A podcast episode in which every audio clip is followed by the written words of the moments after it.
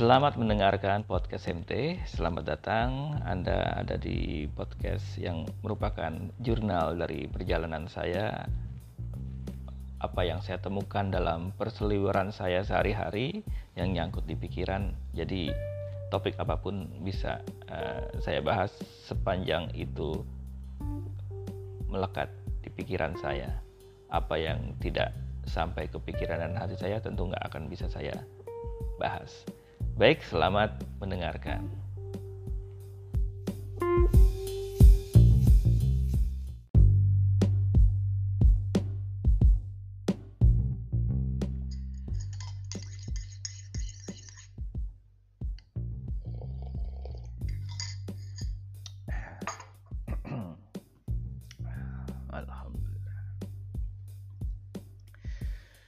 Ya, selamat berjumpa kembali di podcast MT.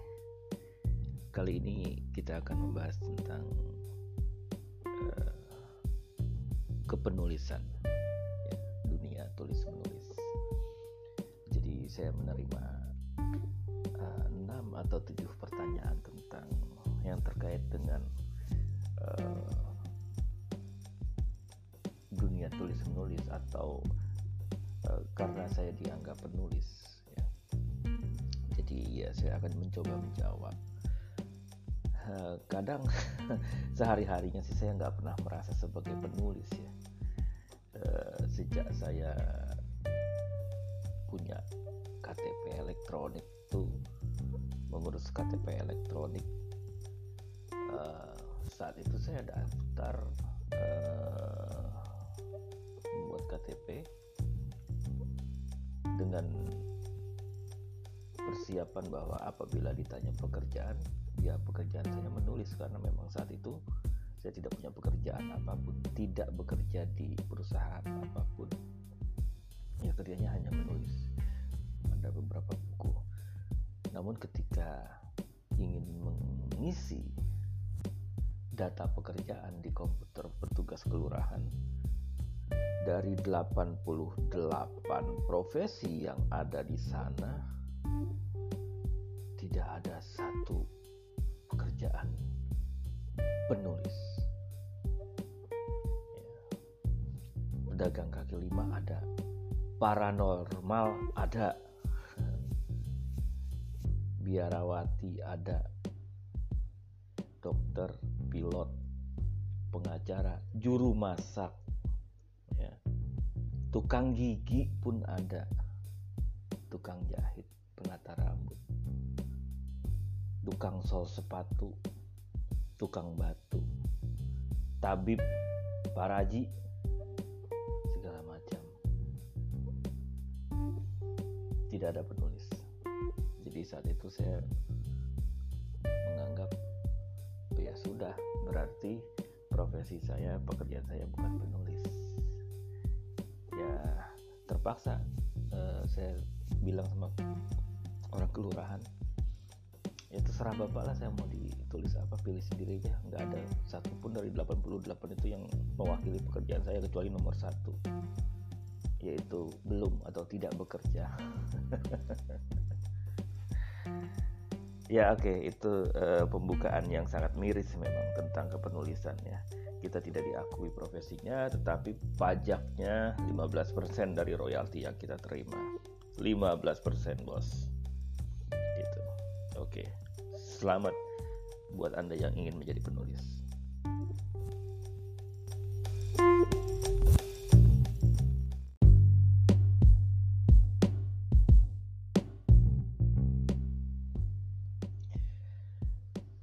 Oke, menulis.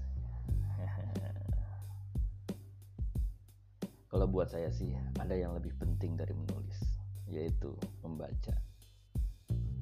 Menulis, jika kita mulai sekali saja, boleh jadi akan keterusan menulis, akan keluar karya-karya kita berikutnya. Namun, mungkinkah seorang piawai menulis jika ia segan membaca? bagaimana mungkin tulisannya akan memberikan wawasan yang luas dan mendalam apabila sang penulisnya pun merasa cukup dengan apa yang membaca tulisan orang lain. Oke, membahas soal dunia kepenulisan. Uh, saya akan menjawab beberapa pertanyaan dan yang pertama adalah kenapa saya suka menulis.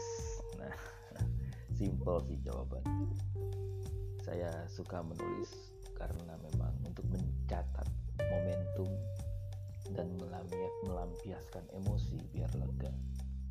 Ya, itu sejak SMP saya uh, merasa seperti itu.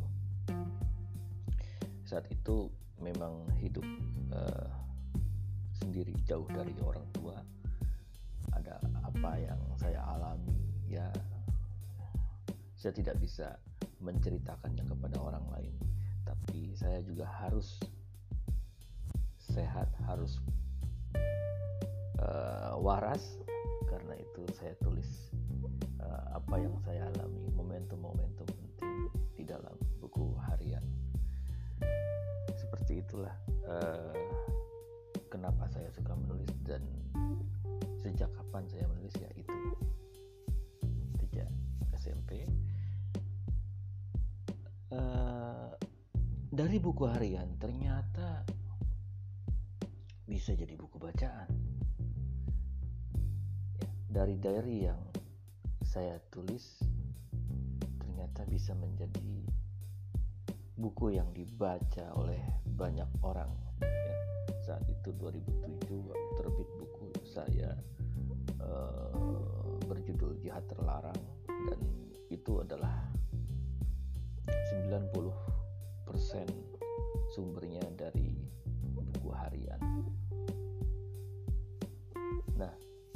selain dari buku harian, ternyata kebiasaan menulis di blog pun bisa jadi buku.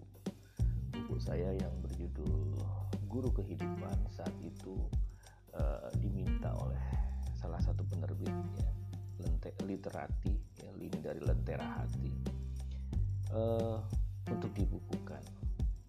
Jadi mereka melihat blog saya tentang uh, wawancara saya dengan orang-orang biasa, tukang gorengan, pengamen, pengemis, tukang nasi uduk, tukang kue putu, dan buat mereka itu menarik untuk dibukukan dan jadilah buku yang berjudul Guru Kehidupan Belajar Hidup Kaya dari Si Miskin.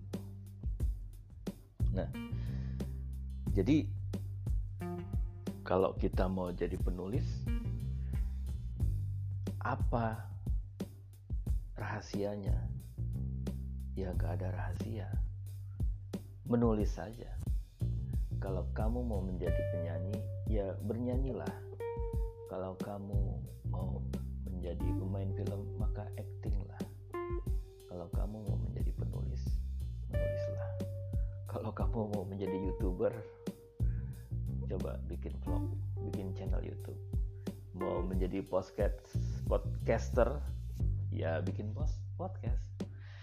Mau jadi apa kamu? Lakukan apa yang membuat kamu disebut sebagai itu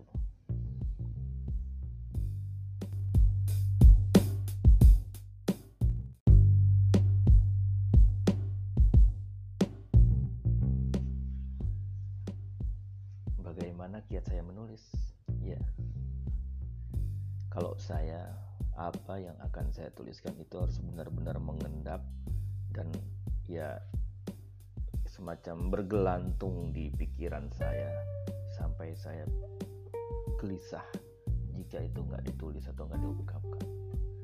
Dari situlah akhirnya dari kegelisahan saya melakukan riset banyak membaca ya. Lakukan itu agar jangan sampai ada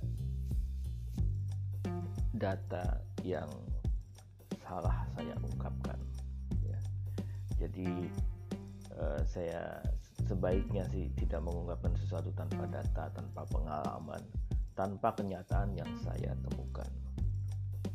Jadi itu proses awal bagaimana saya menulis. Selanjutnya sih tinggal urusan teknis ya.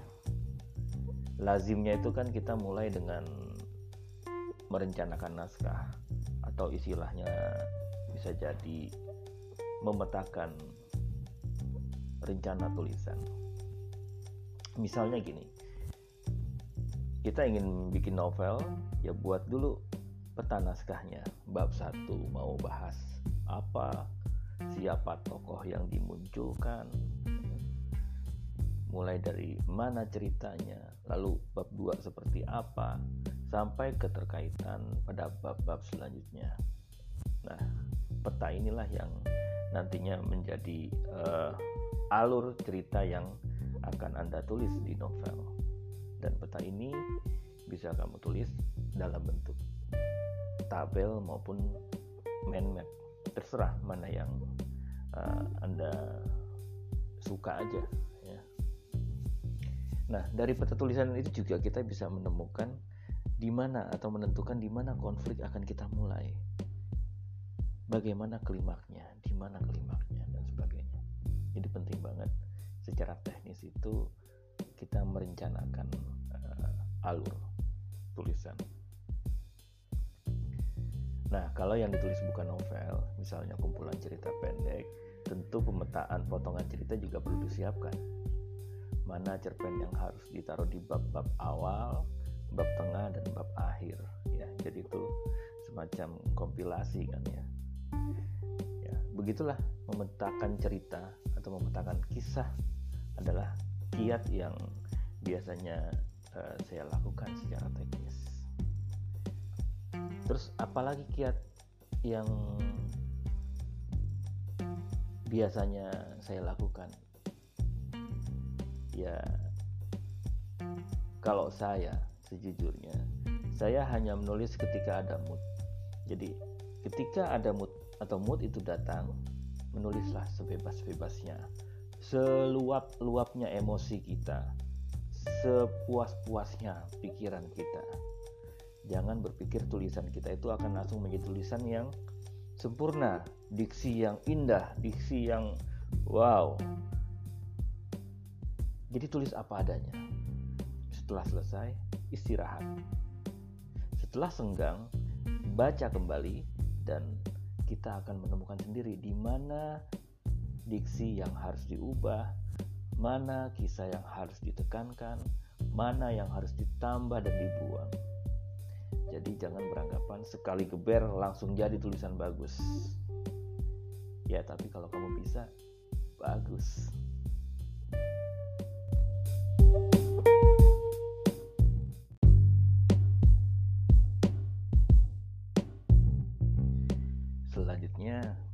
Mengirimkan naskah untuk penerbit.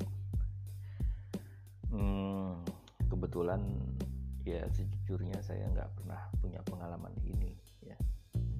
Jadi eh, ya berdasarkan pengalaman sih. Yang penting kita berkarya saja. Kelola personal branding. Gak usah repot-repot cari penerbit jika kamu berhasil uh, mengelola personal branding kamu, punya karya yang kamu uh, informasikan, ya penerbit akan mencari kamu. Lagian kan saat ini kita bisa menerbitkan sendiri karya kita, banyak self publishing, ya, kita tinggal pilih saja. Lalu ISBN-nya gimana? ya urus sendiri juga bisa pakai uh, penerbit indie juga bisa ya. jadi sekarang lebih gampang terus ada juga teman yang nanya kalau pakai saya publishing buku kita nggak terpajang di toko buku dong bos sekarang saya tanya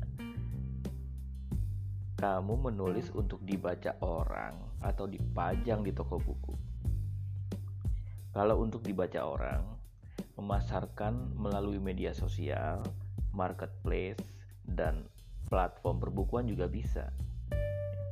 Apalagi di zaman sekarang, zaman digital ya. Banyak orang beralih dari buku fisik ke buku digital. Lagi pula urusan buku yang ada di toko buku, ya, buku fisik, itu bukan urusan kita sebagai penulis. Itu urusan distributor buku jadi kontak saja distributor titip buku kamu di beberapa toko buku yang ada di dalam jejaring mereka. Nah, jadi gitu.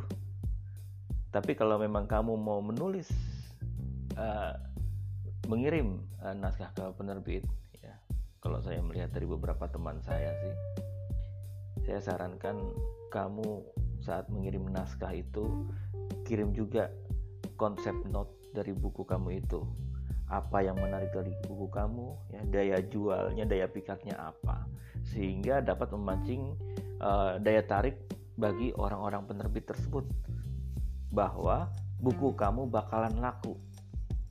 Karena sadari dari sekarang mereka in, mereka itu penerbit itu itu industri jadi faktor jualan adalah hal penting selain idealisme kamu. Gitu-gitu.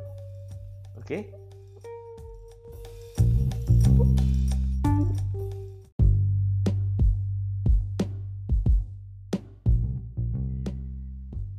Selanjutnya adalah apakah penulis harus memiliki gaya menulis atau harus memiliki karakter dalam tulisannya?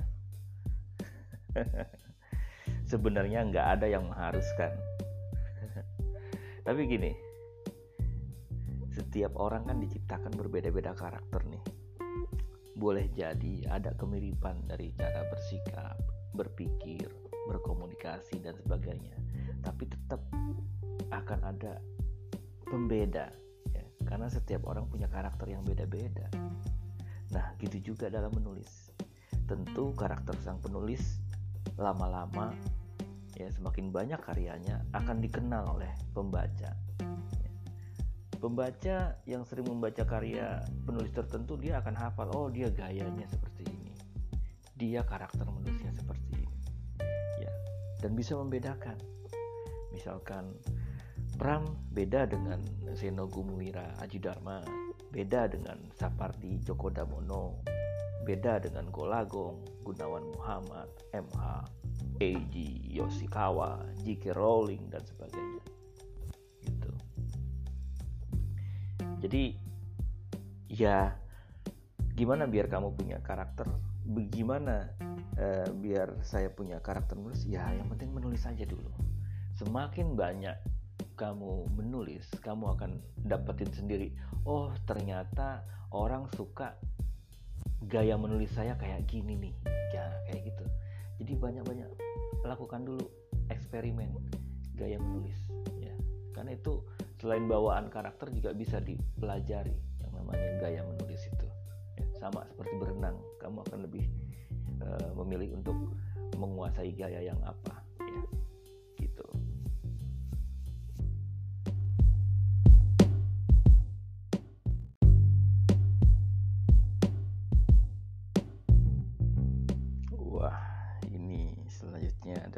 sebuah pertanyaan tentang pembajakan buku. Bagaimana pendapat saya tentang pembajakan buku?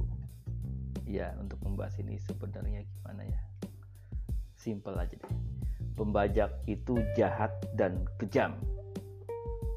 Ya, oh sabar, jangan emosional. ya karena apa? Membajak itu sama dengan menjual karya orang lain untuk keuntungan pembajak penulisnya itu kan coba deh pikirin deh.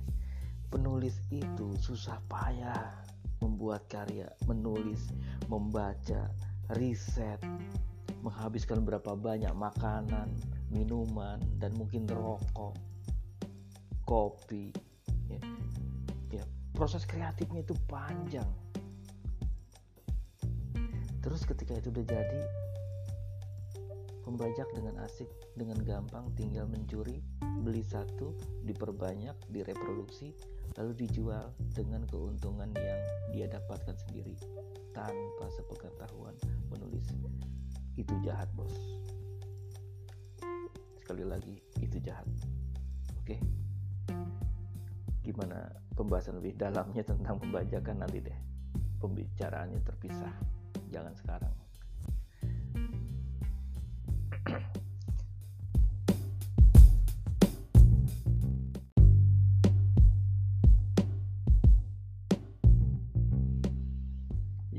Akhirnya di sesi terakhir ini apa pesan buat mereka yang ingin menjadi penulis? Saya harus pesan apa ya? Pesan saya dalam bentuk pertanyaan aja deh. Saya tanya sama kamu kenapa kok mau jadi penulis sudahlah profesinya nggak diakui di daftar pekerjaan. Ya kalau kamu nanti bikin KTP sudahlah pajaknya 15% dari royalti. Ya, yang anda terima itu dipotong 15% buat negara. Tapi nggak diakuin jadi saya tanya kamu ngapain jadi penulis? Gitu tapi kalau kamu punya jawaban yang kuat jawaban dari dalam diri kamu kenapa kamu ingin menjadi penulis maka mulailah menulis. Jangan banyak menghayal jangan banyak banyak berencana jangan banyak berpikir. Kalau kamu mau menjadi penulis menulislah